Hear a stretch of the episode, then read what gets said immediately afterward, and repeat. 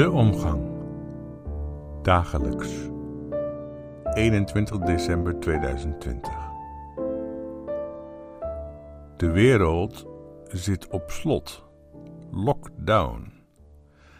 En wij, wij slaan dicht, zien wij geen hand voor ogen en hebben we het koud van binnen.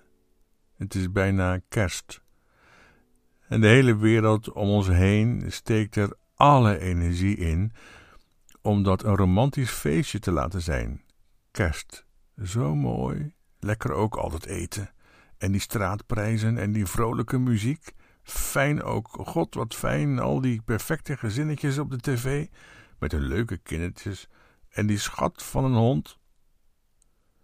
Kerst als een feest dat zo boven de werkelijkheid van kou en eenzaamheid zich bevindt dat wij ons eraan zouden kunnen optrekken en even zouden worden uitgetild boven het bestaande, boven de wereld van alle dag uit en daarna zakken we al snel weer terug in de kou en de mist. Even bij dat kind en dan weer in de misère. Maar wat nu als dat kind in die misère geboren is? Dat een stal en een kribbe geen kwestie is van romantiek en straatprijs, geen staatslot, maar het wrede lot van de harde werkelijkheid waarin dit kind ter wereld kwam. Wat nu als dit kind geen vrolijk fluitend en welvarend leven gaat leiden, maar te maken heeft met een bezettingsoorlog en huilt om het lot van zijn stad?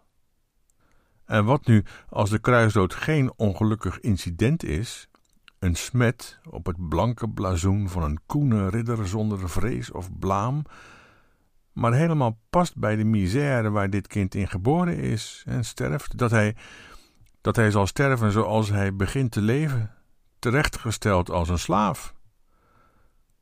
En wat nu als Pasen niet betekent dat daarna alles weer koek en ei zou zijn zoals daarvoor, maar dat dit kind, dit vluchtelingenkind, want dat is het, geboren in de modder en de kou tussen de beesten en het uitschot, wat nu als Pasen betekent dat dit kind, het enige dat uit God geboren is, niet dood is, maar leeft, bij mensen, leeft als een niet-dode in dat heel gewone leven van mensen.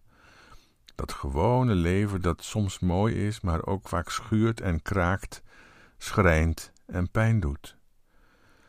Dan zijn wij dus voorgoed niet meer God vergeten alleen. Zo gaat dat hele gewone leven van ons niet voorgoed dicht, maar voor altijd open. Dat zou wat zijn. Een feest zou dat zijn. En wij, de gasten op dat wel heel vreemde, maar o zo hartverwarmende feest. Daarom wordt er over de hele wereld gezongen: Zegen ons al goede en neem ons in uw hoede. Leer ons te leven en wen ons het doodgaan af. Uit naam van dit kind, Joshua, de bevrijder van Israël, en van ons, die erbij gerekend worden. We zijn er graag bij. We zijn er graag gloeiend bij. Bedankt voor het luisteren en tot een volgende dagelijkse omgang.